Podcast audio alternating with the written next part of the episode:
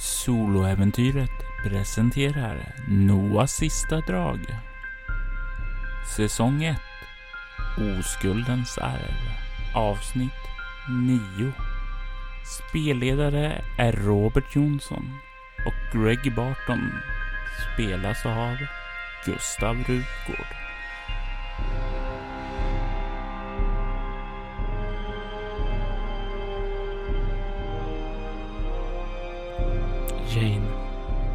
Jag såg dig ligga där.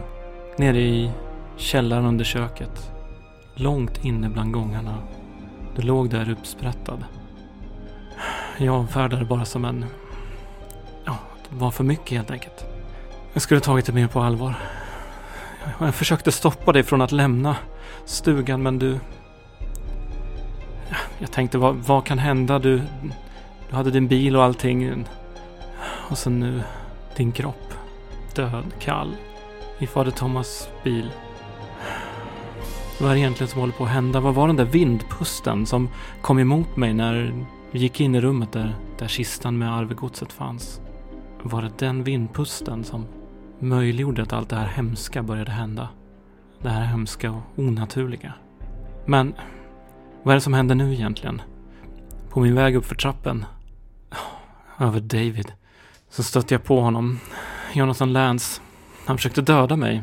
Han påstod att Martin, käre gamle Martin, hade blivit galen. Jag vet inte vad jag ska tro.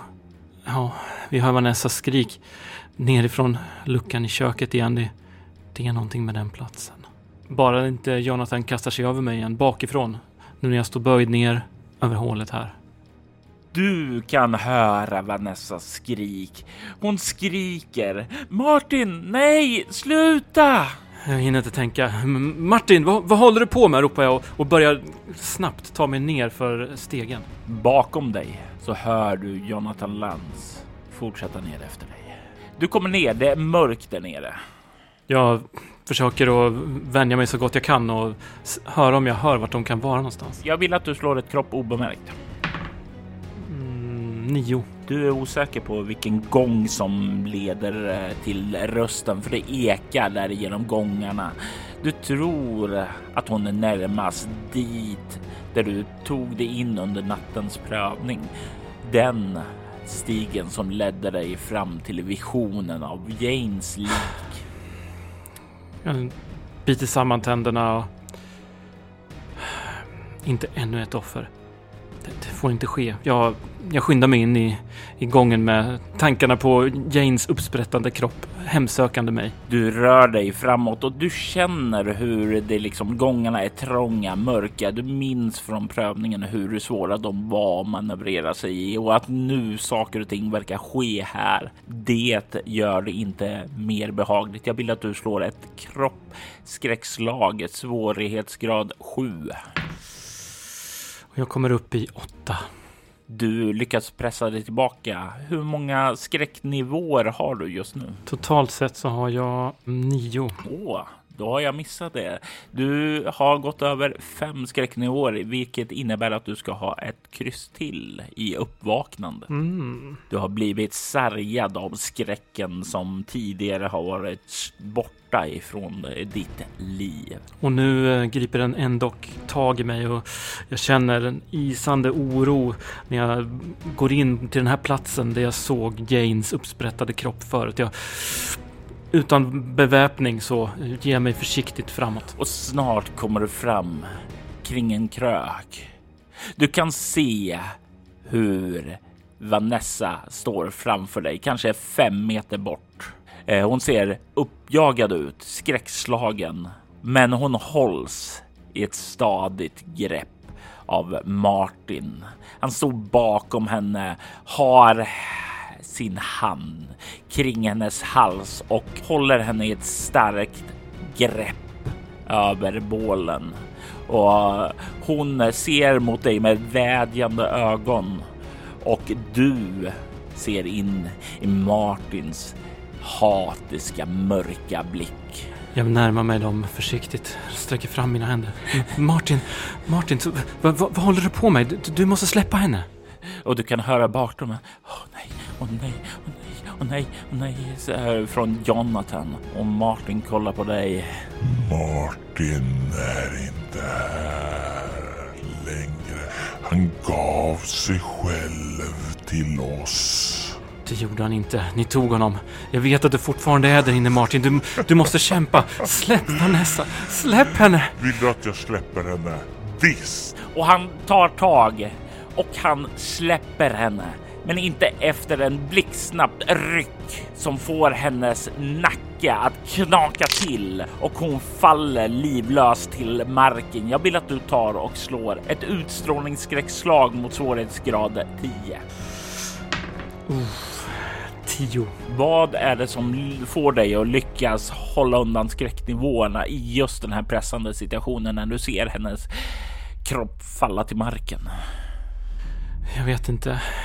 Jag vet inte vad det är som får mig att hålla ihop i den här stunden, men det måste finnas en anledning. Jag, jag måste få den här hemska varelsen att lämna Martin. Jag, jag, jag kastar mig mot honom och, och för att få honom att, att trilla. Slå ett kropp närstrid mot hans kropp närstrid. Fyra. Han slår en etta. Han kommer nog ändå över fyra. Ja, det gör han. Han har ingenting i närstrid, Martin. Men det är inte Martin som är i kontroll. Du slungar dig emot honom och det är inte ett perfekt slag för den som finns i Martin. Men han tar ett lätt steg åt sidan när du kastar emot honom och du landar på den jordiga marken och känner hur liksom sten och grus som finns där slår till in i din kropp och skrapar upp lite små skrabsår på dig. Du kan ta en bestående förlust i kropp. Och när jag ramlar förbi där och trillar ner på golvet så skriker jag Martin! Tänk på alla gånger du har skjutsat mig! Martin, kom tillbaka! och du vädjar från marken där och du kan se hur Jonathan Lance stormar fram emot Martin och tacklar honom.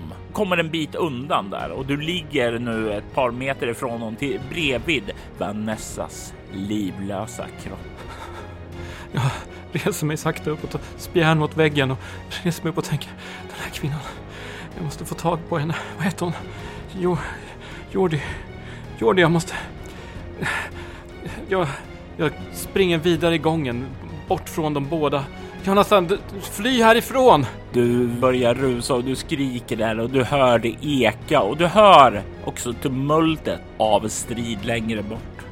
Du hör steg som försöker springa undan, men det tystas och du hör snart istället gurglande.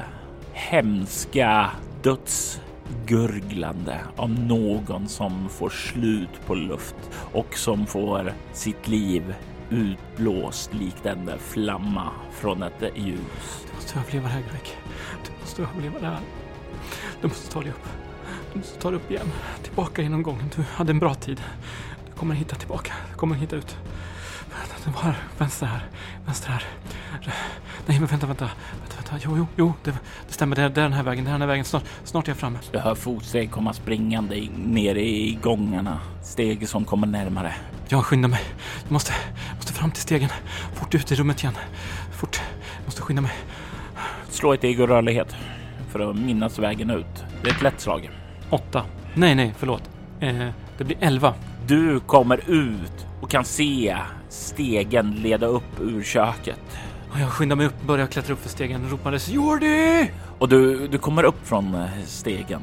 Kan höra där nere hur Martin verkar närma sig utgången han också. Jag smäller igen luckan. Den slår igen med ett brak. Jag kollar mig runt. Finns det någonting jag skulle kunna kasta över den? Välta ett skåp eller vad som helst? Det finns ett köksbord. Jag baxar fram det, ställer med ena benet uppe på luckan. Och sen, sen sk- skyndar jag mig ut och ropades Jordi! Sist du såg Jordi så rusade hon efter fader Thomas Mitchell. Och det var runt bak på baksidan. Men nu har den tagit Martin.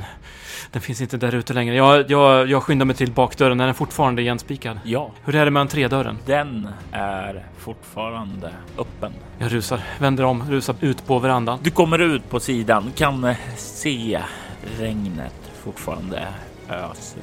Och jag rusar ut och sp- springer runt huset, vänstervarv, ropandes Jordi! Den är här nu! Jordi! Du tycker dig se rörelser ute i skogen. Jag skyndar mig ditåt, skyndar mig ditåt. Jordi! Jordi! Jag blir lite mer eh, förvirrad utifall det inte är hon om det finns mera här. Du kan se när du börjar ta fram till skogskanten och är just på väg att ta stegen in där hur eh, där inne i skogen så kan du se hur Jordi verkar vara på väg tillbaka till huset. Jordi! Du lägger märke till en annan sak också. I sin vänster hand så håller hon en pistol. Okej, okej. Bra, det kommer behövas. Bra, jag, jag saktar in lite grann och inväntar att de kommer ikapp och kollar mig bakåt för att se så att inte Martin är på väg mot oss. Och eh, du står där och spanar. Kan inte se någonting just nu i alla fall. Det verkar lugnt. Eh, du får sakta möjlighet att återhämta dig. Andningen börjar bli lugnare. Greg, Jordi, den har tagit Martin. Den är inne i honom. Han, han, är, han är nere under köket. Kom, kom, kom. Vi, vi, vi måste rädda honom. Hon eh, följer dig. okej, vad har hänt medan jag var borta? Eh, jag, jag gick ner i källaren och, och, och då, då hörde jag rop. Och, och ner i trappen så Dave låg där. Han låg i trappen livlös. Hans, hans nacke var inte... Jag, jag försökte klättra upp där för att, för, för att komma upp när jag hörde, hörde skrik och, och där uppe mötte jag Jonathan Lance. Han, han kastade en kniv mot mig. Han sa att han trodde att jag var Martin. Och, ja, skriken kom ifrån jordkällaren under, under köket. Och där nere fanns Martin. Han, han dödade Vanessa framför mina ögon. Och jag tror även Jonathan har inte längre med oss. Fader Thomas, lever han? Ja, jag följde efter honom men eh, kom inte ikapp honom. Jag kom fram till en plats där bilspår ledde iväg så jag tror att en bil väntade på honom där. En till bil? Okej, nåja. Han fick inte med sig allting i alla fall. Eh, vi, vi måste... Martin, han, han må bara vara en simpel butler men han tog hand om mig. Han, han var alltid någon som räckte ut en hand. Han betyder mycket för dig, eller hur? Ja, han är övertagen. Han, han är inte sig själv. Kom, kom, han, han är här inne i köket. Och ni kliver in. Jag vill eh, förbereda dig på att vi kanske inte kan rädda honom, även om vi förstås ska försöka. Ja, han, han, han, ska, han är här nere. Jag vet inte om han har tagits upp. Jag ställer köksbordet på luckan. Vi, vi, kan, vi får kolla, vi får kolla efter. Du som har vapnet, kan, kan du kolla, kolla in i köket? Hon tar och går framför dig, kliver fram emot köket, höjer pistolen och kikar in. Och sedan så eh, tar hon och vänder sig om till dig sedan när hon liksom lutar sig tillbaka. Luckan är öppen. Jag kollar mig runt. Vart, vart kan han ha tagit vägen? Hon kikar liksom och kollar mot de två eh, gångarna som finns uppåt och sen den trappan som leder nedåt. Samtidigt som hon säger eh, till dig. Ha, har du varit med om någon märklig händelse som du tror kan ha startat all den här galenskapen? Jag pekar ner med skakande hand ner mot gången ner. Där nere, bakom soffan. Hon nickar åt dig och börjar röra sig framåt samtidigt som hon säger Täck ryggen. Kolla bakåt så vi inte blir attackerade därifrån. Ja, ja, ja, ja. Jag kollar bakåt. Det, det ligger, han ligger i trappen. Dave. David. Hon nickar bara och rör sig ljudlöst nedåt. Jag slänger ett öga ner för trappen. Ligger han kvar där? Han ligger kvar där. Okej. Jag kollar en sista gång upp för trappen. Runt här på entréplan innan jag följer ner efter och börjar försiktigt försöka klättra över David igen. Hon stannar vid David, böjer sig ned, kontrollerar pulsen, kollar efter sår, den typen av saker. En snabb undersökning innan hon reser sig om och går förbi. Han var redan kall. Han var inte där. Jag kom tillbaka så var han där. Han var redan kall. Han var redan kall. Så ja, så ja Greg. Vi rör oss förbi honom. Vi går ner. Ni kommer ned till biljardrummet. Det är platsen där den tredje prövningen var. Den plats där du vann den sista prövningen och samma plats där du sovit. Är luckan stängd? Den är stängd. Soffan är kvar där den var. Vi får söka igenom här först. Martinsrummet där borta. Jag pekar längst bort i korridoren. Okej, jag täcker dig. Säger hon och ställer sig och håller utkik i hallen där med dragen pistol. Okej, okej, jag kan... Går då först och kollar in mot där uppe, toalettdörren. Tänder lyset. Får mig tänka på Den gamle mannen med långa håret och skägget. Jag backar ut igen. Går bort mot bastun. Är bastun på? Nej, Jag öppnar upp dörren. Tänder lyset.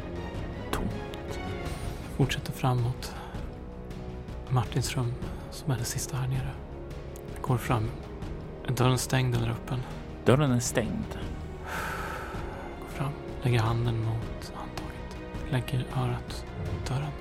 Lyssna. Du tycker dig höra någonting som rör sig där inne. Eller är det inbildning? Är det någonting som bara du hör? Jag pekar mot öronen.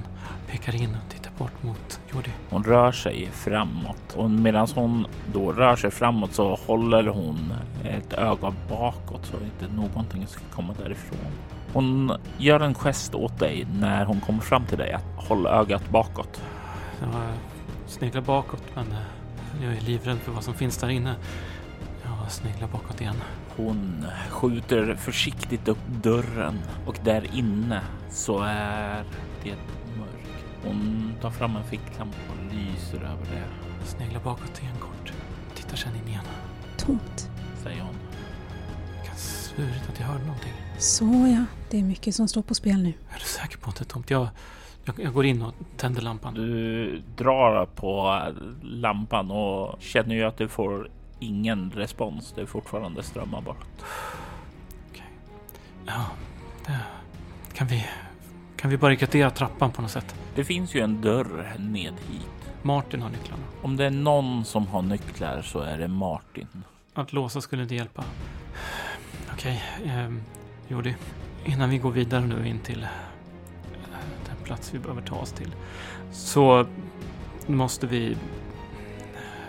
Jag vill ha ryggen fri. Jag täcker din rygg utåt. Ja, okej. Så hämtar du det du behöver hämta. Okej. Jag vill inte att vi isolerar oss här. Har du en... En eh, bil eller någonting som kan ta oss härifrån? Ja. Min bil är nere vid huset vid sjön. Okej, bra. Vi kommer behöva ta med oss en kista. Jag går fram och börjar putta undan soffan. En kista? Jag nickar bara. Är det inte lättare att bara ta föremålen ur kistan? Jo, men jag tror att... Men, ja, kanske. Jag trycker in på panelen S-O-S. Och morsesignalen sänder ut ett nödrop. Det här nödropet når land och du kan få upp den och du känner det ändå som... Ja, det är lite en sån här positiv. Ja, men det är någonting som går med mig. Ficklampan. Får, får, kan jag få låna ficklampan? Hon eh, sträcker sig handen innanför jackan och tar ut en sån här lite mindre ficklampa. Tänk dig en liten så här rör och sån en klick eh, grej så att det, det är inte jättestarkt ljus, men det är i alla fall så nog för att lysa upp där som hon räcker över till dig. Och jag hukar mig ner och lyser in med lampan. Börjar ta mig in genom gången in till det lilla rummet. Och du kommer fram och allting är precis så som du lämnade det. Jag lyser runt, tar tag i kistan sina handtag. Börjar släpa den utåt. Den är tung. Kistan är eh, gammal och rejäl. Inget som låter sig släpas lätt och det låter väldigt mycket när du börjar dra den. Är, den är av vikt. Den är av stor vikt. Det var här allting började. De andra två nycklarna, de... Ja, Jag har i alla fall en nyckel. Jag fortsätter släpa ut den. Jag vill att du spenderar en bestående förlust för att få ut den.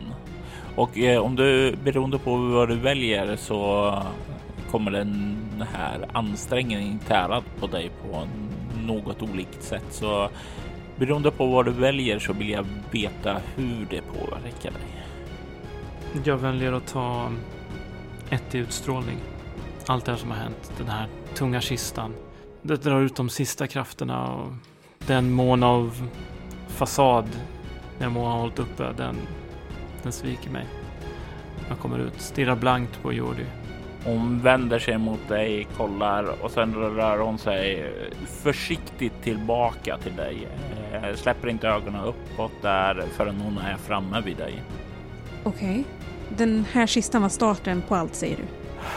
Jag tror det. Jag är inte säker. Berätta hur allt började. Vad startade allt? Allt började egentligen när min morbror tog sitt liv. Fick hjälp med det. Han släppte lös någonting. Men jag tror att den här kistan ändå hade en trigger på något sätt. När vi gick in här första gången så var det som en vindpust slog emot mig. Och när du säger vindpust slog emot dig så ser du att hon verkar reagera på det. Det är jättekonstigt. Det, det här är ingen gång som leder någonstans. Det är lite rum där inne bara. Det borde inte komma en vindpust därifrån. Nej, jag trodde att det skulle påverka mig som jag gick först. Men stackars Martin var den som blev tagen. Om det är något som har besatt honom så är den vanligaste orsaken att de tar någon som har stort begär för något, känner sig åsidosatta eller förrättade. Jag vet inte. Det skulle ha varit David i så fall. Men han är ju trappan nu. Det känns konstigt. Alla de andra, de, de hade någonting som fick mig att misstänka att det var de som låg bakom honom, hans död. Istället visade det sig att Jonathan Lance var den som hade assisterat min morbrors självmord. Okej. Inte fader Thomas? Nej, å andra sidan verkar han kanske vara arkitekten bakom alltihopa det här. Jag vet inte. Eh, när du säger det så kan du se hon nickar. Okej. Jag kommer från en organisation som heter Faith. Det är ingen slump att jag var här. Vadå, vänta? Är ni frikyrkliga på något sätt eller? Nej, nej, nej. Vi är, vi är en konsulentverksamhet som arbetar med lagväsendet. Vi har haft fader Thomas under uppsikt och vi hade misstankar om att han var med i en sekt tillsammans med din morbror. Det verkar troligt. Högst troligt. Han var väldigt lyckosam i alla de här prövningarna som vi stod inför. Han var den som hittade snabbast nere i gångarna under köket. Han var den som var snabbast att svara på gåtan. Han hade lagt åtskilliga timmar på att träna på biljard för att även lyckas med den slutgiltiga prövningen. Han måste ha vetat om alltihopa det här. Tränat på det länge. Och det leder på något sätt fram till den här kistan. Du ser här tre lås. Jag plockar fram min nyckel.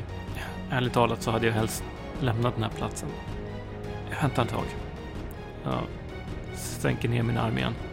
Det finns ett antal lik här. Hon eh, svarar inte utan kollar bara på dig och väntar att du ska fortsätta. Polisen kommer komma hit förr eller senare. De... Jag står nu som ny jägare för den här fastigheten. De kommer säkert försöka sätta dit mig för det här. Jag, jag vet att du inte är skyldig till det här och tro mig, jag kan hjälpa dig med polisen. Okej, okej. Hur... Vad ska vi göra med dem? Vad ska vi, vad ska vi göra med, med Jane? Hon ligger uppsprättad i bilen här ute. Nu behöver vi veta vad som är orsaken till allt det här som sker. Först när vi vet det kan vi agera på det och det är nyckeln till vår överlevnad. Okej, vi, vi, vi måste bära upp kistan till ovanvåningen, okej? Vi börjar där. Vad finns i kistan? Svar. Hon kollar på dig och säger Ja, jag förstår det. Men nu, jag behöver svaren nu. Fine, vi gör det här nere. Hjälp mig att lyfta upp den på, på biljardbordet i alla fall. hon hjälper dig att lyfta upp dem på biljardbordet. Och jag tar fram nyckeln igen och säger, se här, tre lås. Varje prövning gav en nyckel. Mm, jag ser det. Jag låser upp. Öppnar upp kistlocket. Är kistan tom nu? Nej, alla tre föremålen som du lämnade där är kvar. Ett kranium, en dolk och en bok. Jag tror att fader Thomas blev lite för girig för sitt eget bästa. Han tog alla holdings för alla bolag som min morbror äger. Han tog hans samlade belöning. Men innan dess så tog han den här. Jag lyfter upp boken. Lägger upp den på biljardbordet och vecklar upp första sidan och håller fram min hand. Sin gest för henne att läsa. Du kan se hon försiktigt tar boken och börjar bläddra i den. Den verkar handla om Abraham kring år 666. Jag har bara hunnit titta som hastigast i den. Det skulle kunna ha någonting med den här kulten att göra. Och den här skallen, en människoskalle, kan, kan den ha någonting med saken att göra? Hon eh, verkar fokuserad på boken. Du kan slå ett egolingvistik. Lätt slag. 15. Du har inga problem att se att hon verkar eh, förstå språket där i och verkar läsa stycken där när hon bläddrar. Och sen så kommer hon fram till en bild i den här boken som föreställer den dolk som ligger i kistan. Och jag plockar upp dolken, lägger en del av sidan där, uppslaget. Hmm. Mm, säger hon. och kollar närmare på den. Jordi, jag tror att eh, de här artefakterna, den här dolken, den här boken, de har redan spelat ut sin, sin roll i allt det här. Vad de än var till för, vad än för väsen som har släppts lös här. Det har redan skett. Det var därför som fader Thomas struntade i dolken. Ja, jag tror inte det. Detta... Säger hon och pekar på dolken. Det här är St. Vincents dolk.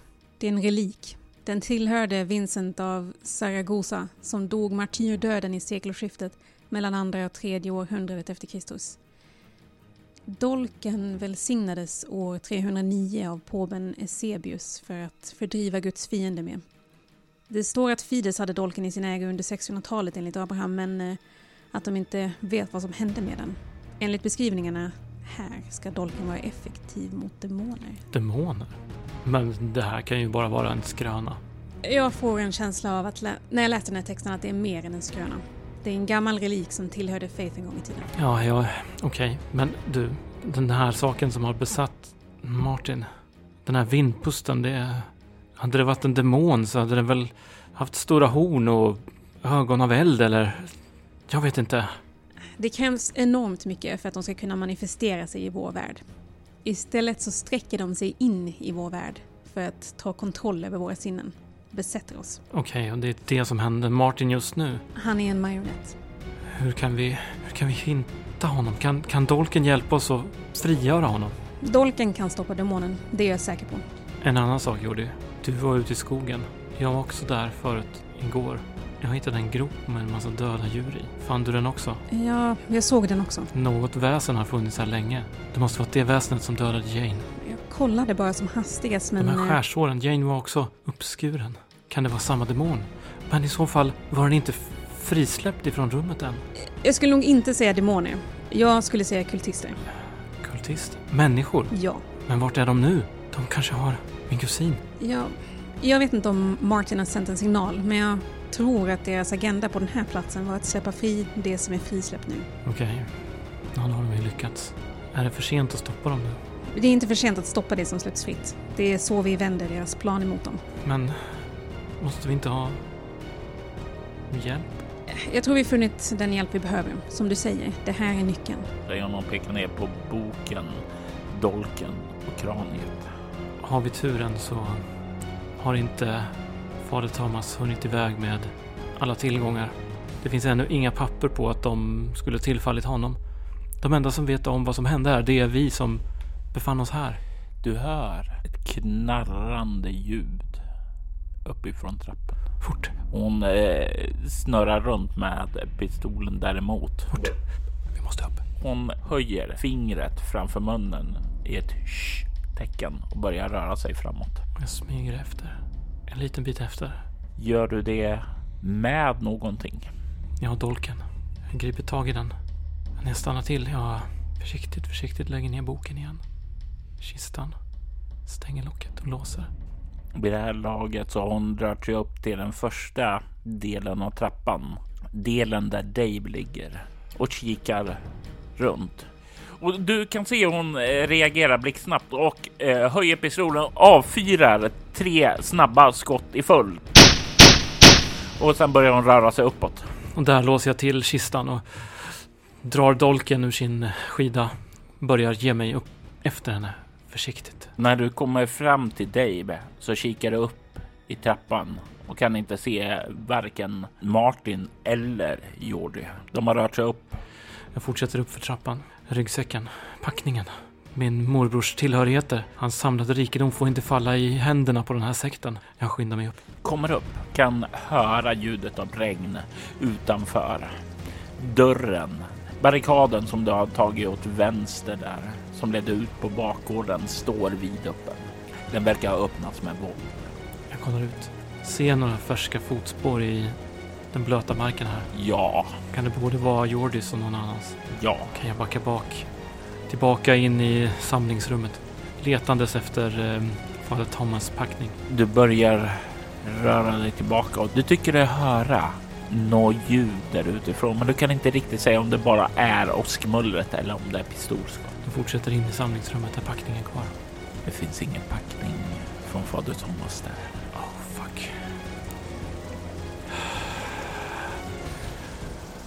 Okej.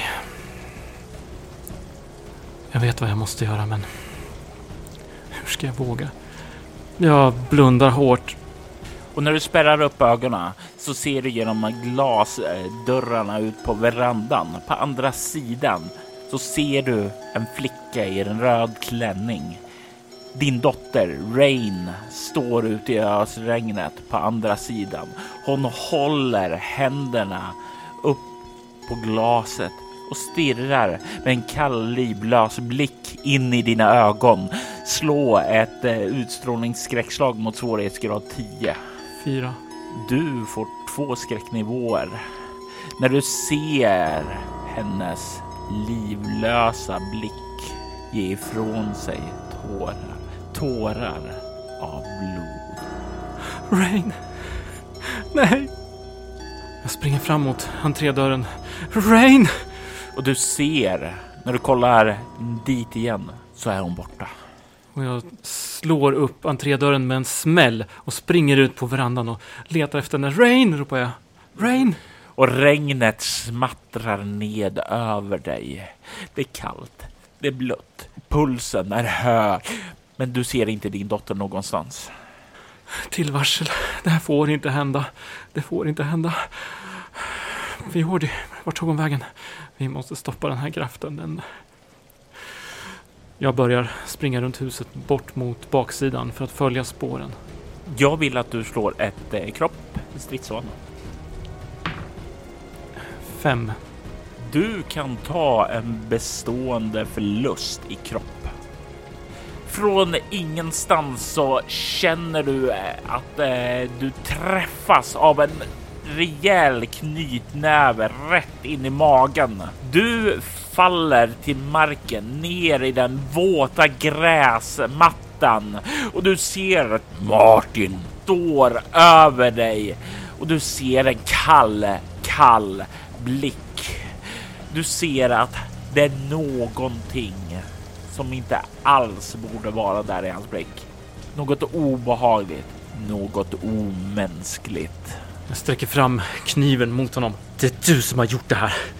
Du ska få. Jag sätter mig upp och försöker resa mig upp på den blöta marken. Du hör Jordis automatpistol träffar honom i sidan och du kan se han träffas i armen och i bröstet. Men det är inte det hemska. Det är vad som sker näst. Du ser hur kulorna borrar in sig i hans kropp. Men att de sluter sig lika fort. Hur de läker nästan omedelbart. En läkeförmåga som inte alls är mänskligt möjligt. Slå ett egoskräckslag mot svårighetsgrad 10. Sju. Två skräcknivåer till. Jag kastar mig fram mot honom med kniven framför mig för att hugga honom rakt i bröstet. Slå ett kropp närstrid. Lätt slag.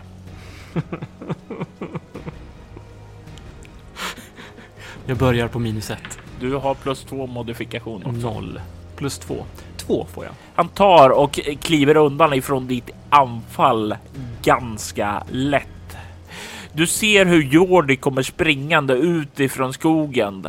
Hon eh, har fortfarande pistolen i sin hand, men det verkar inte vara det som hon tänker använda, utan hon verkar vara på väg fram emot honom för att tackla honom. Ja, finns det någon chans att jag kan eh, eh, genskjuta Martin och, och Jordi och, och komma närmare Jordi?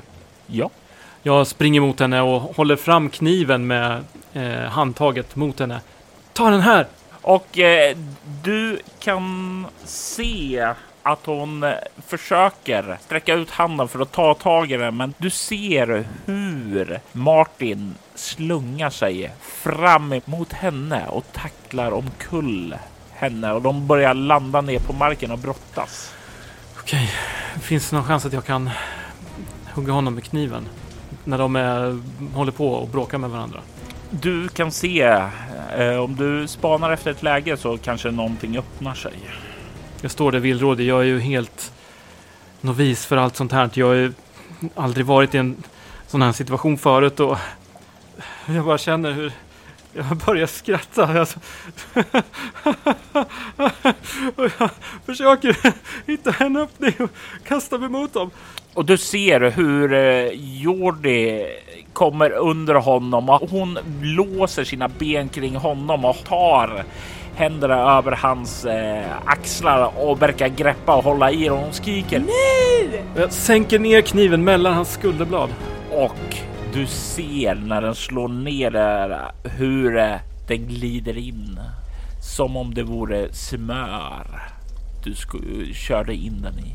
Du ser hur du krampaktigt håller i dolken när hans kropp börjar slappna av. Dolken har borrat sig djupt in i hans kropp och blodet pulserar fram ur såren. Ur hans mun så kommer ett vansinnigt skratt och det, det liksom gurglar snart ur hans strupe. Och du kan se när han sjunker undan ifrån Jordis kropp och kroppen liksom landar så att eh, den stirrar upp i ditt ansikte. Att han har vitt uppspärrade ögon. Hon stirrar på dig. Det rosslar ifrån hans röst då han stirrar rätt mot dig och säger Vi är inte besegrade. Ty vi är en av många. Därefter faller han död till marken. Den omedelbara livsfarande över. Martin. Nej. Är inte Martin också? Jordi. Alla är döda. Du får en känsla dock att detta är inte slutet. Detta är början på något. Något mycket större. Du har besudlat dina händer med Martins blod. Någonting omänskligt och mystiskt drev honom till det här. Frågan är bara vad.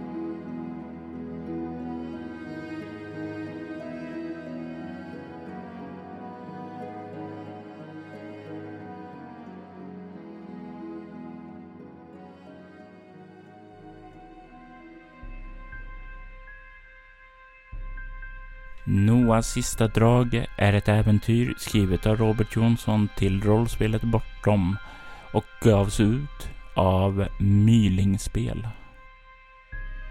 Statistroller i detta avsnitt är Pernilla Sparhult som Jordi Chase. Avsnitten har redigerats av Robert Jonsson.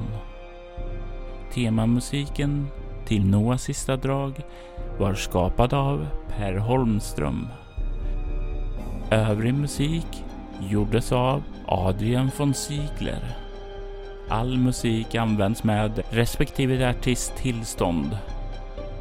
Vill du följa oss i sociala medier så kan du gilla antingen Bortom eller Soloäventyret på Facebook. Och med det så vill jag säga tack för att du har lyssnat.